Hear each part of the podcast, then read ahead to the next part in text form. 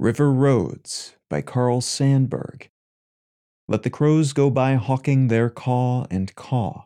They have been swimming in midnights of coal mines somewhere. Let 'em hawk their caw and caw.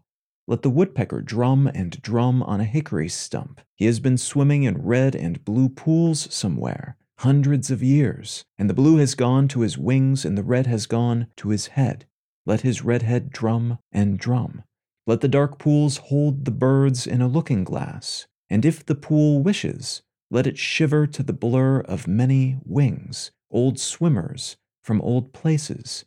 Let the red wings streak a line of vermilion on the green wood lines, and the mist along the river fix its purple in lines of a woman's shawl on lazy shoulders. River Roads by Carl Sandburg.